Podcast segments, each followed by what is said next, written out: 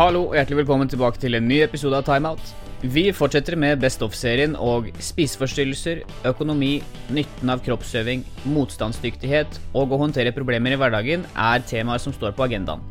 Vi begynner med førstnevnte og spiseforstyrrelser med Nina og Jorunn. Tusen takk for at du hører på, og så får du ha en god fornøyelse. Let's go!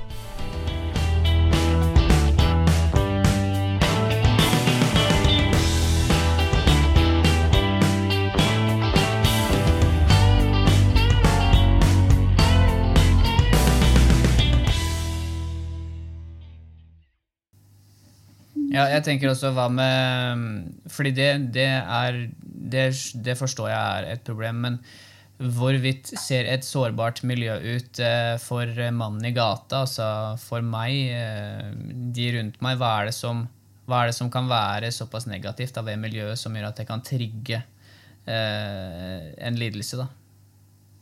Hvis du, hvis du f.eks. er i en, en guttegjeng da, hvor det stadig vekk snakkes om eh, kropp og, og, mat, og det er spesielle dietter som er inn og, og følger, f.eks., eller veldig fokus på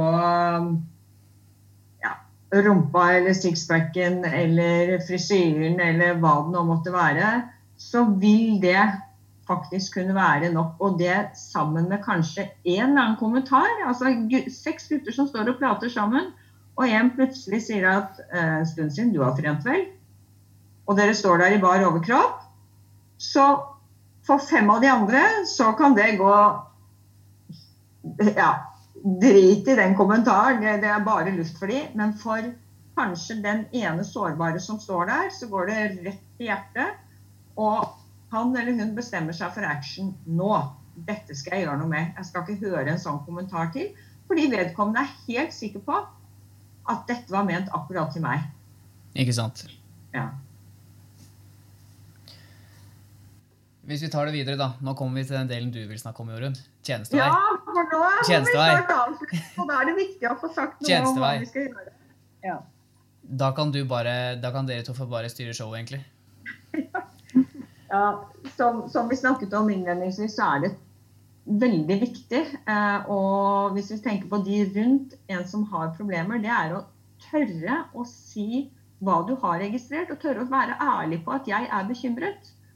Og, og da pleier Nina og jeg alltid å si sånn at hvis det er snakk om en lærer eller venn eller venninne, så er det innmari viktig at du ikke begynner å ringe rundt til de som er venninner eller andre lærere eller foreldre til venninner av den det gjelder, og forhøre deg før du tar opp det du har observert, med den ene du er bekymret for. Og jeg tenker at for de aller fleste av oss, hvis vi har en sånn magefølelse av at det er ikke sikkert at noen har gått ned i vekt, eller at man har sett noe veldig spesielt på, på spising, men du bare registrerer at hun eller han er annerledes enn det de var for et par måneder siden det er et eller annet som, som, Du kan kanskje ikke helt selv sette ord på det, men du merker at hvis jeg nå hadde kjent Nina lenge, og, og plutselig merket at hun ble så stille jeg tok aldri liksom ordet, og Hver gang vi skulle et eller annet sosialt, så hadde hun en unnskyldning for at hun ikke skulle være med. Så hun liksom gikk bare kjapt ut av klasserommet uten noe skravling med de andre. Alene i garderoben, ikke noe fleiping sånn. Da er det berettiget å spørre åssen har du det? Men du må da bare passe på at du gjør ikke det nødvendigvis når alle andre er rundt. Men da ville jeg sagt til Nina, hvis hun var den jeg da hadde sett, at fader, jeg tror ikke hun har det ok. Jeg sa har du tid til å prate litt med meg rett etter skolen i dag, eller eh, skal vi møtes på torsdag? Sånn at du avtaler. Og da kan du få et sånt første vink på at den personen du mistenker at ikke har det ok, blir litt sånn skremt. Oi, hvorfor skal Jorunn snakke med meg nå, liksom? Har hun skjønt at jeg sliter? Nei, det tør jeg ikke å være med på en sånn samtale. Og hvis da Nina hadde svart meg at å nei, jeg har ikke tid, eller bare sendt en SMS at ja, vi avtalte, men jeg har ikke tid allikevel, jeg glemte at vi hadde en avtale, da er det et signal til meg om at her er det noe jeg ikke bør gi meg på.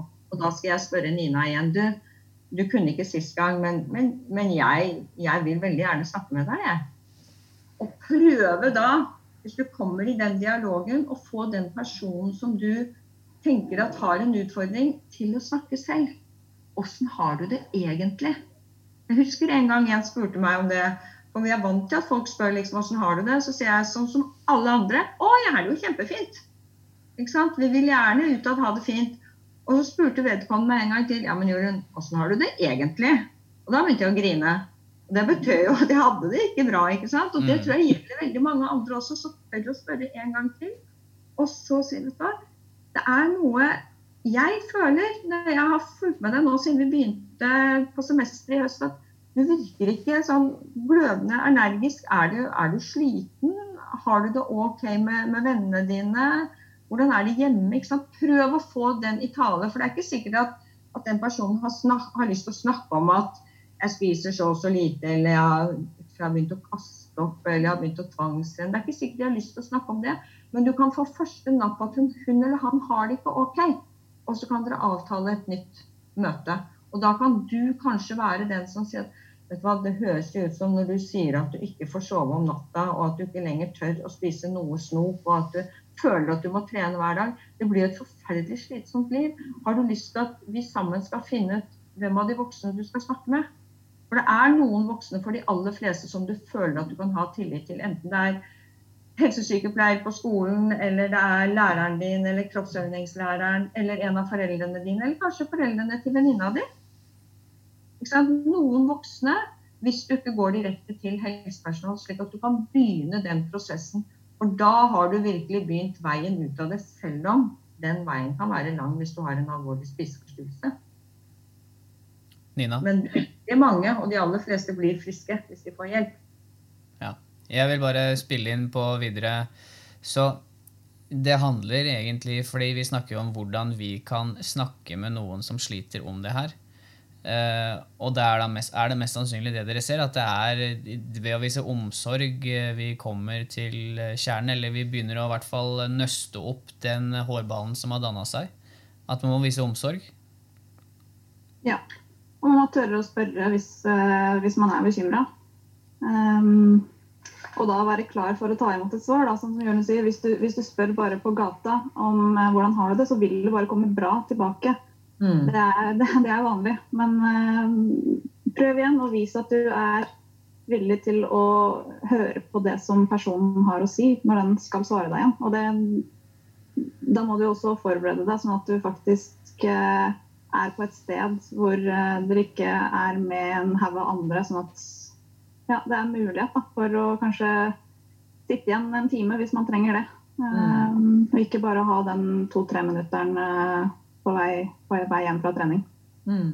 Og da tenker jeg også det er veldig viktig hvis du er venninne eller medelev eller medutøver, hvis dere trener sammen eller som lærer eller trener, at du har sjekket litt i forkant når du har tenkt å ta en sånn prat med en du bryr deg om som du antar at ikke har det ok. Det kan jo dreie seg om helt andre ting. Det kan være at personen bare er innmari lei seg for tiden fordi at det er noe som foregår hjemme. Eller det har foregått noe på nettet, eller det har foregått noe som gjør at den personen ikke har det ok. Men hør med. altså Hvis jeg nå var eh, jobbet på en skole, så ville jeg ha sjekket med helsesykepleier når er helsesykepleier tilgjengelig.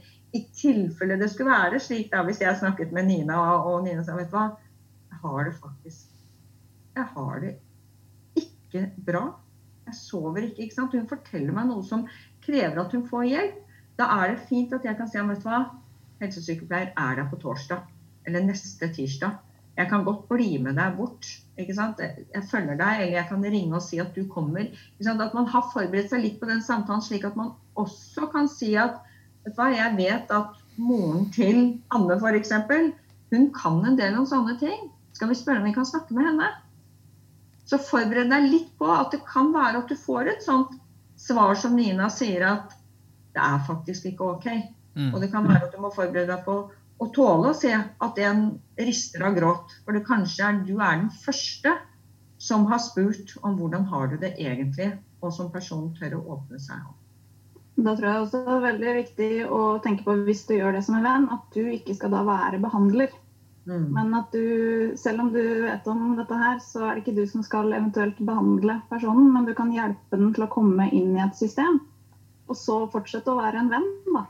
Finne på, eh, finne på ting. Og dere kan selvfølgelig gjerne snakke om det hvis det er eh, et problem man ønsker å snakke om. Men det er ikke nødvendig, det heller. Hvis man Nei. kommer inn til helsesykepleier eller til lege og videre behandling, så, så kan den delen ta seg av det. Og så er du, fortsetter du å være en venn, rett og slett. Episode 7 Jesper Foss. Til å gå opp igjen.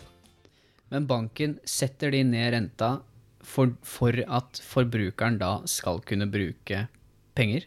Er det, er Ja, det ned? vi er jo en del av et stort bilde. Vi er jo med på å påvirke økonomien i stor grad. Klart hvis, Når vi ser at samfunnet har mindre penger å bruke, klart, da må vi skru, når vi setter ned renta, da, så gjør det at man trenger å betale mindre inn på lånet sitt hver måned, og man sitter igjen med mer penger sjøl. Og Det er jo det som gjør at samfunnet kan gå rundt. da, For da har forbrukeren igjen penger som man kan bruke på butikken på hjørnet, sånn at den kan bestå. Eh, og ikke minst eh, med tanke på, på jobber og sånn også, så har jo alt dette henger jo sammen. Mm. Men la oss si jeg nå, la oss si jeg nå går til banken, da. Uh, og jeg har lyst på et uh, boliglån, f.eks. Men jeg har jo en gjeld fra Lånekassa. Ja. Påvirker det bankens avgjørelse hvorvidt dere vil gi meg et lån eller ikke? Eh, Ja, det, det påvirker. Eh, Alt vi har av gjeld, er jo med på å påvirke hvor mye vi får lov til å låne i banken. Altså vi, vi sitter jo ikke og ser på hver enkelt og tenker at du kan låne så og så mye, mens han andre kan låne sånn. Det er jo en helhetsbilde her på hvor mye har du råd til, og du eh, og hvor, i forhold til åssen livsstil du har òg. Altså, bruker man mye penger på andre ting, så har du kanskje mindre penger enn du betjener lånet med. da. Så vi setter jo alltid egentlig opp et Det vi egentlig gjør da i banken når du kommer og setter opp, eh, tar et lån, så setter vi egentlig opp et budsjett egentlig, og ser hva, hva er det du bruker penger på, hva er det du har råd til å låne. Og så har det litt med, med inntekta di å gjøre òg. Du har jo den, kan ikke låne mer enn fem ganger inntekta og litt sånne ting. Hva er det- egenkapital for noe, da? Egenkapital det er jo kort fortalt, det er jo penger du må ha sjøl for, for å få lån i banken hvis du skal kjøpe en bolig. Eh, myndighetene har jo bestemt at vi må ha minst 15% egenkapital. Det vil si at, eh, enkelt forklart, da, hvis du kjøper en bolig til 1 million, så er det da 15% av det. Det må minst må du ha sjøl, altså minst da 150 000. Og kan låne da maks 850 000 i banken. Eh, og så har det med å si med, med inntekta di. Altså, fordi at har du ikke høy nok inntekt til å klare å betjene lånet på 850 000, så må du ha enda mer egenkapital. Finnes det noe smygtriks, kan jeg kalle det, til å måtte slippe unna eller senke den, eh, senke det, den egenkapitalen? Eh, Det mange unge må gjøre, er jo rett og slett å få kanskje litt hjelp hjemmefra. Eh, At man kanskje kan få, få med foreldra sine som, på at de står som medlåntakere, eller at man får kanskje pant i boligen hos foreldra sine og sånne ting. Hva, hva, hva, går, hva går det ut på? Eh, Det går ut på at banken tar sikkerhet i boligen til foreldra dine. da. Altså Det som i verste fall skjer da, hvis du ikke betaler lånet ditt, og foreldrene dine ikke har råd til å ta over det for deg, da, så tar vi huset og selger det. Ja. ok, ja. Litt risky, men er, det mange som gjør det? Det er, eh, det er ganske mange som må, må ty til hjelp. Eh, Vi ser jo med boligpriser som har vært i Norge, så har det jo Det er jo ikke billig i dag. Eh, Nei. Det er det jo ikke. Særlig ikke hvis du bor i, i storby. Sentrumsnært. Jo nærmere sentrum, jo nærmere store byer man er, jo dyrere blir det jo som regel. Selvfølgelig noen unntak, men det er jo en veldig enkel tommefingerregel som regel. Men la oss si, da. Vi går ned til eh, sparing generelt igjen. Ja. Hva er viktig å tenke på for at jeg skal få orden på min personlige økonomi? Eh, Jeg tror jo, som mange har opplevd i situasjonen vi er i nå, det er at det er viktigheten med faktisk ha noen penger stående som man kan bruke når, når det skjer et eller annet. Mm. Eh, Når det kommer uforutsette ting. Altså, vi så ikke for oss at, vi skulle, at det skulle se sånn ut nå. Eh, Og dette med å ha noen penger stående som man kan bruke altså, i hverdagen ellers òg. Altså, hvis plutselig bilen ryker og du er avhengig av den for å komme deg på jobb, altså, så må du ha den på verksted. Ja, så du har penger til å dekke de tinga der. Um, hvis uh, Mer sånn derre fritidseksempler. Hvis du plutselig blir invitert på en tur med kompisgjengen, da. Hvis du ikke har råd, da. Hva gjør du da? Ja, mange tyr jo dessverre kanskje til kredittkort, forbrukslån, den biten der. Som ofte er dyre penger å låne. Hvis du hadde spart opp og hatt de stående, så hadde du hatt alt klart. Um, så dette med å ha kanskje den tryggheten i bakgrunnen, da. Og jeg tror jo at vi kommer til å se uh, at den situasjonen som vi har vært i uh, og er i nå, gjør at kanskje at mange flere kanskje forhåpentligvis får opp øya litt for den, og viktigheten ved å ha den tryggheten. da. Ved å ha et lite sånn eh, en nødskonto, eller Ja, bare ha altså, noen på, på fagspråket som heter det jo bufferkonto. bufferkonto. Ja, eh, altså rett og slett ha penger stående hvis det dukker opp et eller annet. da. Så er jo Ofte anbefales det å ha, ha to månedslønner stående. Eh, det er jo ikke veldig mange som har det. Eh, men altså, litt er jo bedre enn ingenting. Mm. Men er det hvilket, hvilket råd vil du gi? Episode 8 Pål Thomas Ramstad. Jeg var ikke i nærheten av det. og kan legge til det altså, at eh, på den tida når du snakka om eh, militær kroppsøving, så hadde de jo også skyting som en del av eh, Hadde de det? Hadde skyting. I hvert fall noen områder så var det skyting også som var eh, involvert uh, i, i, i opplæringa. Tenk om vi hadde lagt inn det her nå. Liksom. Nå, skal vi på, nå skal vi på rangen og Ja. skyte. Ja, det hadde vært kult. Jeg tror mange hadde kost seg da. Mange hadde kost seg, men altså, det geværet Hvor mye, hvor mye veier et gevær, egentlig? 15 kilo? Ja, det, det hadde ikke gått bra, Jeg har ikke holdt et sånt gevær, så jeg kan ikke uttale meg om det. Men det er som du sier, at eh, det har dreid seg mer og mer til å bli eh, et mer og mer bredt fag. Og det har jo også blitt Kan du si at eh, historisk sett så var det jo også mer sånn eh, guttefag på mange måter. At eh, I hvert fall fram til 70-tallet, tror jeg. At det var veldig sånn guttebaserte aktiviteter og sånn. Så var det vel også kjønnsdelt en periode, hvis jeg ikke husker helt feil. Ja, vet du når? Jeg tror det var kjønnsdelt fram til 1960 omtrent. Fra mellomkrigstida. Ja. Altså, det er bare 60 år siden. Men allikevel, det er jo Det kom seint. Ja, Tenk om vi hadde hatt det i dag. Altså, det, hadde ikke, det hadde ikke gitt noe mening i det hele tatt med det samfunnet vi lever i. Så det er jo spennende å se. Altså, ja, altså, elevene endrer seg, eller de utvikler seg. Og de finner ut hva som er eh, positivt og negativt med det, og det de liker å gjøre. Og samfunnet også er jo i stadig utvikling. Eh, formålet med kroppsøving? Ja, det er litt spennende, og det endres ikke så mye på nå i fagfornyelsen. Formålet er relativt eh, likt, og det handler jo om at eh, etter 13 år med skolegang, da elevene har kroppsøving i 13 år, alle eh, trinn, så er målet hele veien at de skal få en altså, livslang bevegelsesglede. At når de går ut av videregående skolen, så eh, skal de ha glede av å være i bevegelse. Eh, og de skal ha kompetanse til å kunne planlegge og gjennomføre egen trening da, og ta vare på sin egen helse. Det er på en måte formålet, kort sagt. da. Det er formålet. Men er det sånn? Jobbe for det. eh, at de skal ha den kompetansen. Eh, jeg, jeg tror at de som eh, står på mest i faget, får den kompetansen. Og da kommer vi inn på et interessant begrep i faget, nemlig innsats. Fordi det er jo en del av vurderinga i faget. Og det er det som ligger til grunn for at du skal få kompetansen. Det er jo å legge inn innsats for å oppnå kompetansen med å ha bevegelsesglede. Og jeg sier ikke at alle har bevegelsesglede. Det, det er kjempevanskelig, og sånn, men målet må være det, og vi må legge til rette for at alle kan oppleve den eh, gleden med bevegelse. Og Det er derfor det er så viktig at eh, hver enkelt elev finner sin aktivitet, idrett, hva det måtte være, som gjør at de liker å være i bevegelse. Og det er den jobben som er så viktig for oss som, for oss som lærer. Altså det med, det med sedattid, det at vi sitter mer stille eh, liksom Alt at vi har blitt mer At vi har blitt mer sittestillende og på en måte kosthold, det er på en måte en annen diskusjon. Men jeg tror allikevel at altså formålet, det er fint. Altså igjen, eh, jeg tror ikke det er så mange elever som sitter og leser formål med hvorfor de har fag på videregående. La oss forholde oss til videregående, da. Ja. Du var godt inne på barneskole og ungdomsskole der, men la oss forholde oss til videregående. Jeg gjorde jo ikke det selv heller. Kanskje jeg gjorde det to siste ukene når jeg, før jeg skulle ha eksamen selv, ikke sant. Men jeg tror det er vanskelig å, å skjønne poenget i en så hektisk hverdag som de har. Altså, videregående er forberedende til livet, gåsetegn. Altså når du skal begynne å være selvstendig.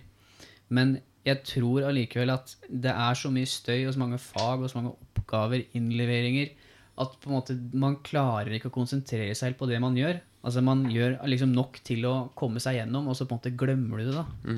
Hva har du å si der?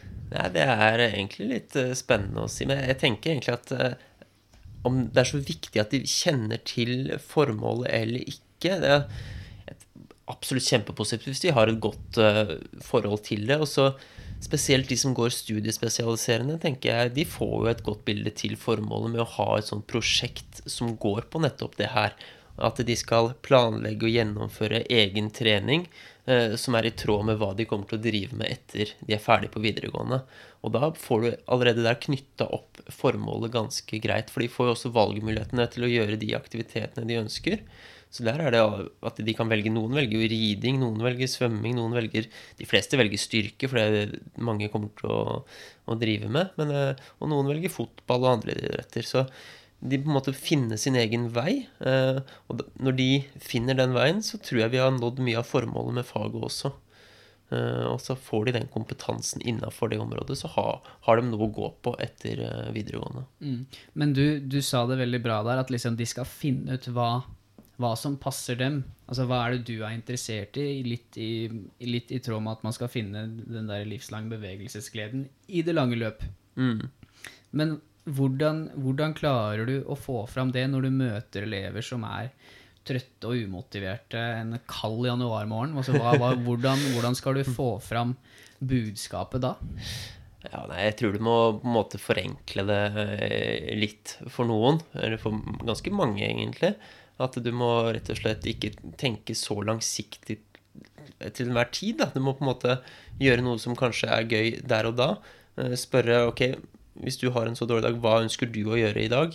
Eh, Og at vi er litt sånn fleksible som eh, lærere også. At vi ikke I dag er det dans, eller i dag er det er det ballidrett, for den saks skyld. At vi er litt fleksible og, og prøver å treffe elevene litt. Eh, Allikevel så må vi ha klare, tydelige rammer på hva som skal læres, men at vi prøver å eh, treffe elevene på, på hva de ønsker. Ønsker de ikke å være med i gymsalen, så er det jo av og til greit, ok, men i dag, som et unntak, så kan du få lov til å trene litt eh, styrke hvis eh, du har en veldig dårlig dag og ja, du er umotivert for å være med de andre. Vi må på en måte tilpasse hele veien til hver enkelt elev. Jeg er helt enig i måten du, måten du sier det der, at vi på en måte vi klarer å se mennesket. La oss si kjæresten din har slått opp med deg, da. Eller du har en ekstremt dårlig dag. Bare i dag funker det ikke. Og det å klare å rykke oss Fordi jeg, det jeg har merka det året, er at da jeg kommer inn og jeg skal være sjef,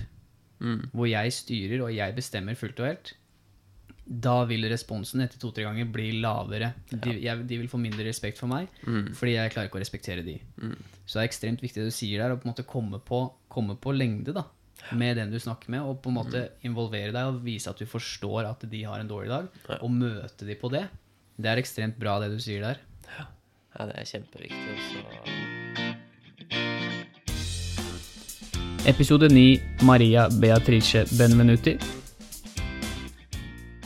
Work a lot on, well, when we talk on the dinner table or when we're with friends or when we are at with the family, you talk a lot about empowerment and the the thought that you have to believe in yourself to make something happen. Can you tell me what goes on in your head when you want to give out a message to people? Your values. You have clear values. What are those, and what? How do you want to express them?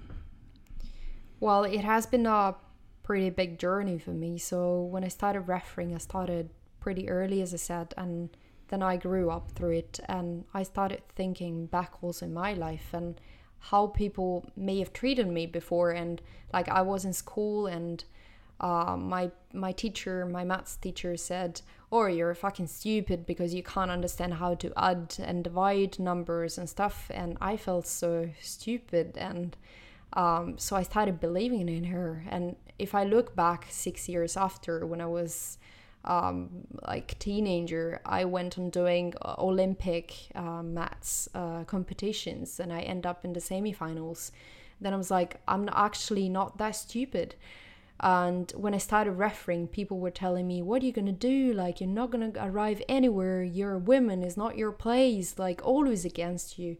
And I think many of us have this people or back voice that they talk against you all the time. And it's so easy nowadays to find uh, barriers against what you want to do instead of things that they're gonna push you.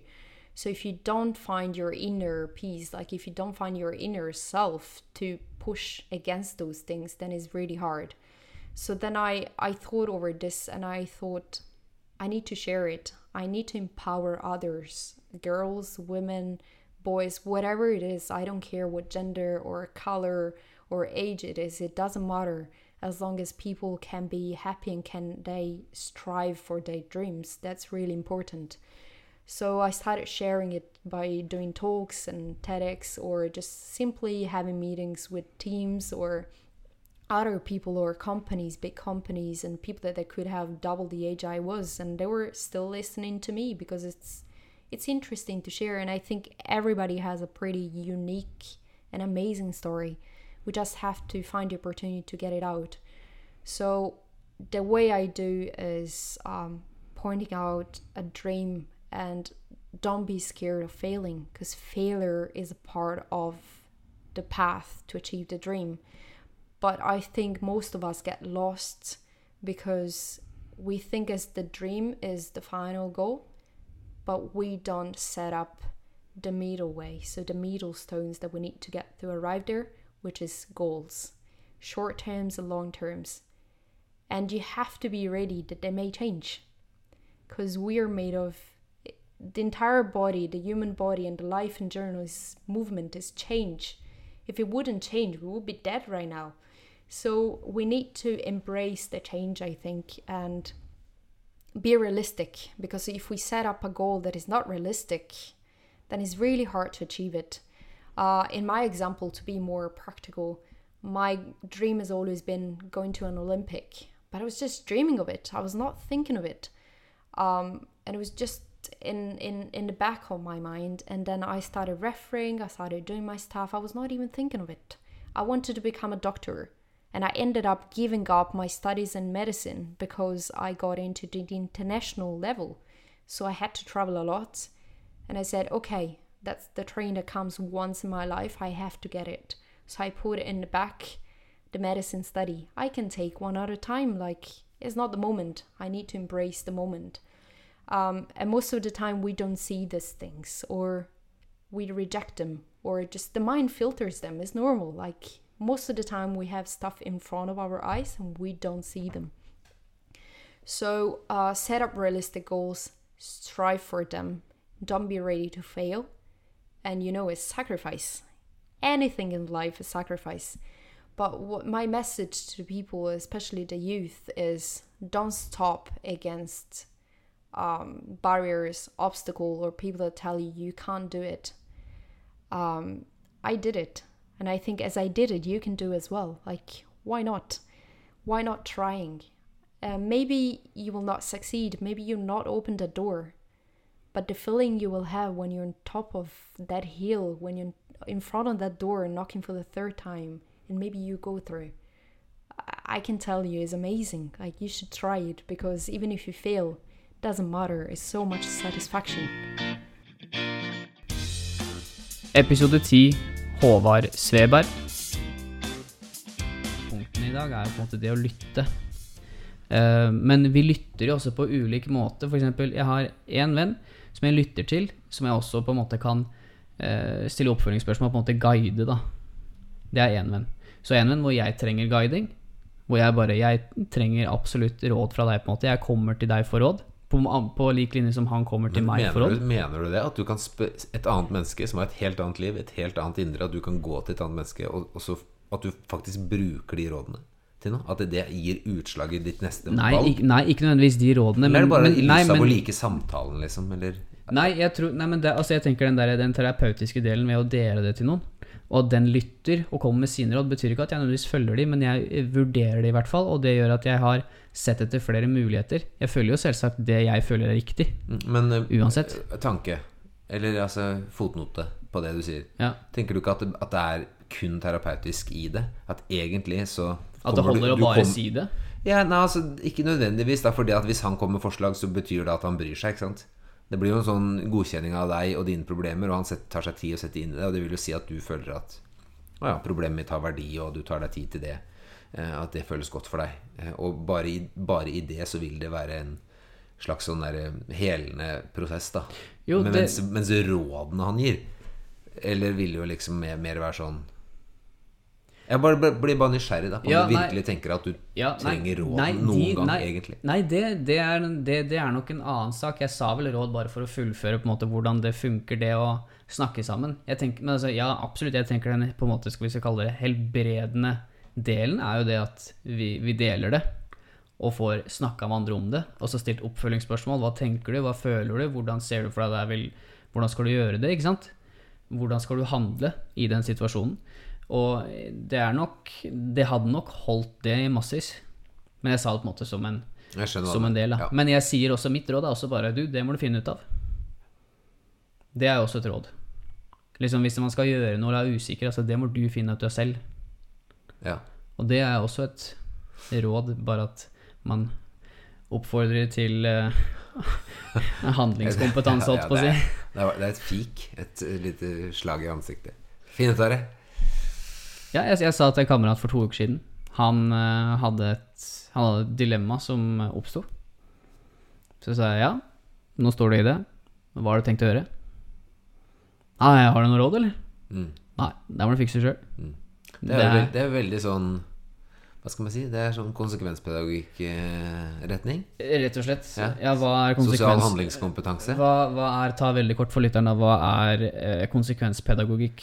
Jeg har ikke hatt det ennå, men eh, essensen av det er vel å øke menneskers eh, handlingskompetanse, sosiale handlingskompetanse, og ikke sitte og unnskylde seg eh, på bakgrunn av sin historie. Alle mennesker har muligheten for en ny dag hvor de kan selv være med å styre livet sitt i en retning, i positiv retning. da. Sånn at hvis du har elever som har gått seg fast, eller enn, hvor enn man er i livet, at, at, man, at ved hjelp av en sånn tydelig føring da, Man skal ikke presentere forslag for de selv, men man skal si Ok, hvordan har du tenkt å løse det her i morgen? Greit. Hva vil du jeg skal gjøre for å hjelpe deg? Man skal støtte, men man skal ikke grave seg ned i følelser. Og ikke noe sånn rett på handling. Skal man rett på ikke validere først? Nei. Bare rett på handling? Det, det er sånn som jeg har forstått den retningen, så skal ikke Nei, nei, så ikke noe sånn Det er derfor jeg tror mange liker det, for det er liksom rett på Men det er altfor enkelt. Ja, det er det. Jeg har ingen til å si altså Kudos til de som fant opp konsekvensped og tok patent på det. Veldig kudos til de. Men det kan jeg ikke si meg enig i. Det visste jeg ikke. Jeg trodde man skal Skal man ikke alltid validere følelser, da? Er ikke det viktig? ikke- Spørs jo hvilke følelser, da. Nei, men jeg tror ikke jeg tror, det, I den retningen så er det Det er ikke det at følelser ikke betyr noe, men det er vel i forhold til skole og lærerrollen så skal man ikke være behandler. Du skal være en som støtter opp om å ta det neste riktige valget, da. Er vel retningen, sånn som jeg har forstått det. Så, sånn at eh, vi skal ikke drive og behandle de når de har sånne kvaler. Hva synes du om det? da? Jeg syns at, at, at det er en metode som mange andre metoder. Og at den absolutt vil være nyttig og bra for mange. Men hvis man setter seg ned og kun bruker den metoden, da, da tenker jeg jo at da har man eh, misforstått litt, da. Mm. Tenk så mange de ville slått feil på. Tenk så mange Ja, sarte sjeler. Ja, ja. Og du kommer og smeller den i bordet. Hva skal du gjøre med det i morgen? Altså øh, dette, dette kunne vi snakka om i stad, men det her er har jeg lært litt av kona mi, som, som er veldig flink og har veldig oversikt over mye av hvordan hjernen og følelsene og kroppen fungerer. Og vi er jo alle utstyrt med forskjellig grad av de forskjellige følelser. Og det er derfor vi ikke skal ha én metode når vi møter mennesker. Vi skal ha flere forskjellige, for å bruke en klisjé, verktøy.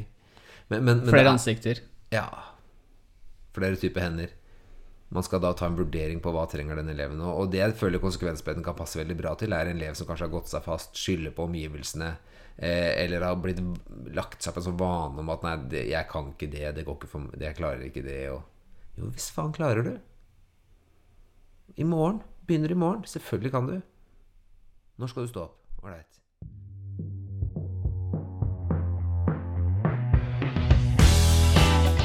Tusen takk for at du lytter til dagens episode. Husk å gi det et like-klikk på sosiale medier, følg Timeout på Spotify, eller vurder det på iTunes. Vi er inne i en mørketid, og med det kommer også mye tid inne. Bytte til en time på Netflix med å lese en bok du gjerne skulle lest, se om du kan finne en ny eller gammel hobby som gir deg mer mening. Når tiden står stille, så må du selv ta grep for at den skal gå fortere. Husk at jo mer du gjør, jo fortere går tiden. Og det kan da være en fin løsning for å redusere sittestilling og unngå mørket når det blir for stort. Igjen, takk for at du hører på, så snakkes vi i neste episode. Ha det bra.